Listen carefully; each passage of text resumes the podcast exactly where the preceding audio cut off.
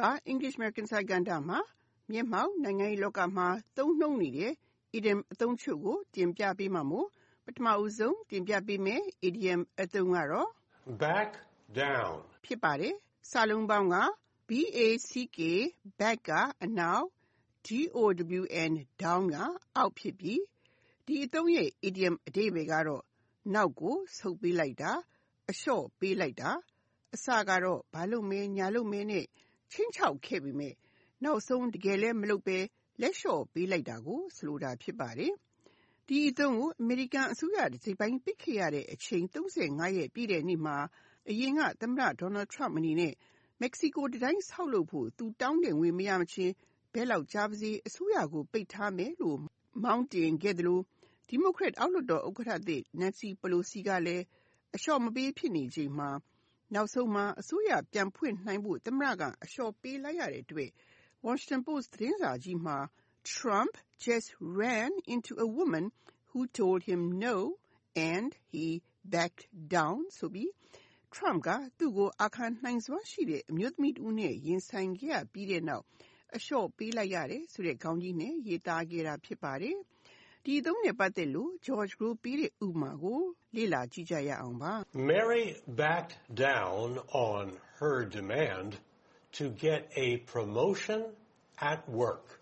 Mary က အလုပ်မှာ ရာထူးတိုးပေးဖို့ သူ့ရဲ့တောင်းဆိုချက်ကို အလျှော့ပေးလိုက်ရတယ်လို့အဓိပ္ပာယ်ရပါတယ်။ဥပမာကိုနောက်တစ်ခေါက်လေ့လာကြည့်ကြရအောင်ပါ။ Mary backed down on her demand to get a promotion at work. ခုဆက်လက်တင်ပြပေးမှာကတော့ Bring to one's knees. ဖြစ်ပါတယ်။စာလုံးပေါင်းက bring to bring to ကဖြစ်စေတာ one apostrophe s one's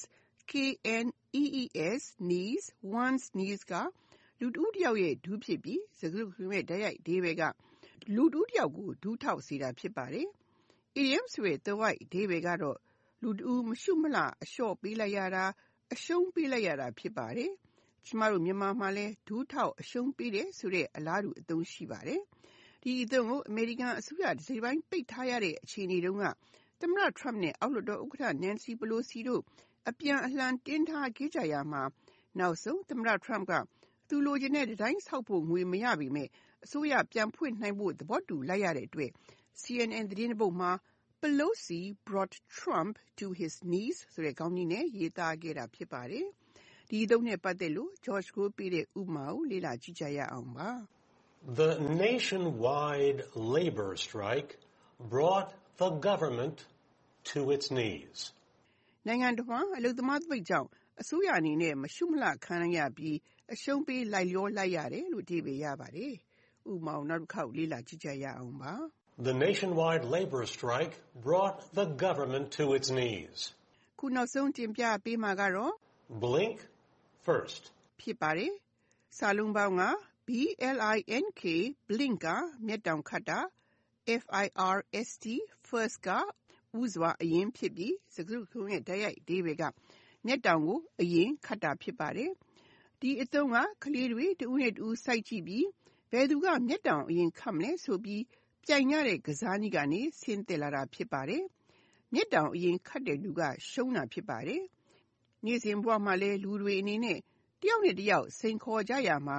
ဘယ်သူက အရင်လျှော့ပေးမလဲဆိုပြီး အားပြိုင်ကြရမှာ အရင်လျှော့ပေးလိုက်တဲ့လူဟာ blink first လုပ်တဲ့လူပဲဖြစ်ပါတယ်။ဒါကြောင့် ဒီအသုံးရဲ့ idiom အဓိပ္ပာယ်ကတစ်ဖက်နဲ့တစ်ဖက် အကြီးအကျယ် စိန်ခေါ်ရာကနေတစ်ဖက်က အရင်လျှော့ပေးလိုက်တာကို ဆိုလိုတာ ဖြစ်ပါတယ်။ ဒီအသုံးကို February လ9ရက်နေ့က သမ္မတ Trump ပြောကြားခဲ့ပြီးဖြစ်တဲ့ နိုင်ငံတော်အခြေပြမိန့်ခွန်းနဲ့ ပတ်သက်လို့ မကြာသေးမီက အမေရိကန်အစိုးရ တစ်စိတ်တစ်ပိုင်း ပိတ်ထားခဲ့စဉ်ကာလအတွင်း သမ္မတ Trump နဲ့ အောက်လွှတ်တော်ဥက္ကဋ္ဌ Nancy Pelosi တို့ကြား သမ္မတရဲ့ နိုင်ငံတော်အခြေပြမိန့်ခွန်းပြောကြားမယ့်ကိစ္စနဲ့ ပတ်သက်လို့ ကနဦးစီစဉ်ထားတဲ့ ဇန်နဝါရီလ29ရက်နေ့မှာ ပြောခွင့်မပေးနိုင်ဘူးလို့ အောက်လွှတ်တော်ဥက္ကဋ္ဌ Pelosi က တားခဲ့တာကို သမ္မတ Trump က ပြန်တင်းခဲ့ပေမဲ့နောက်ဆုံးမှာ သမ္မတက အစိုးရရုံးတွေပြန်ဖွင့်မှပဲသူပြောတော့မယ်လို့အလျှော့ပေးခဲ့တဲ့အတွက် Newsir.com မှာ Trump blinks first instead of the union standoff ဆိုတဲ့ခေါင်းကြီးနဲ့ရေးသားခဲ့တာဖြစ်ပါတယ်။ဒီသုံးနဲ့ပတ်သက်လို့ George ကိုပြတဲ့ဥမာကိုလေ့လာကြည့်ကြရအောင်ပါ။ We wonder who will blink first in the trade war between the U.S. and China. အမေရိကန်နဲ့တရုတ်ကြားကုန်သွယ်ရေးစစ်ပွဲမှာ ဘယ်သူကအရင်လျှော့ပေးမလဲဆိုတာကိုကျွန်တော်တို့တွေးတောကြည့်နေတယ်လို့အဓိပ္ပာယ်ရပါတယ်။ဥပမာကိုနောက်တစ်ခေါက်လေ့လာကြည့်ကြရအောင်ပါ။ We wonder who will blink first in the trade war between the U.S. and China. ဒီသတင်းပါတင်ပြခဲ့တဲ့ idiom အသုံးတွေကတော့ Back down, bring to one's knees.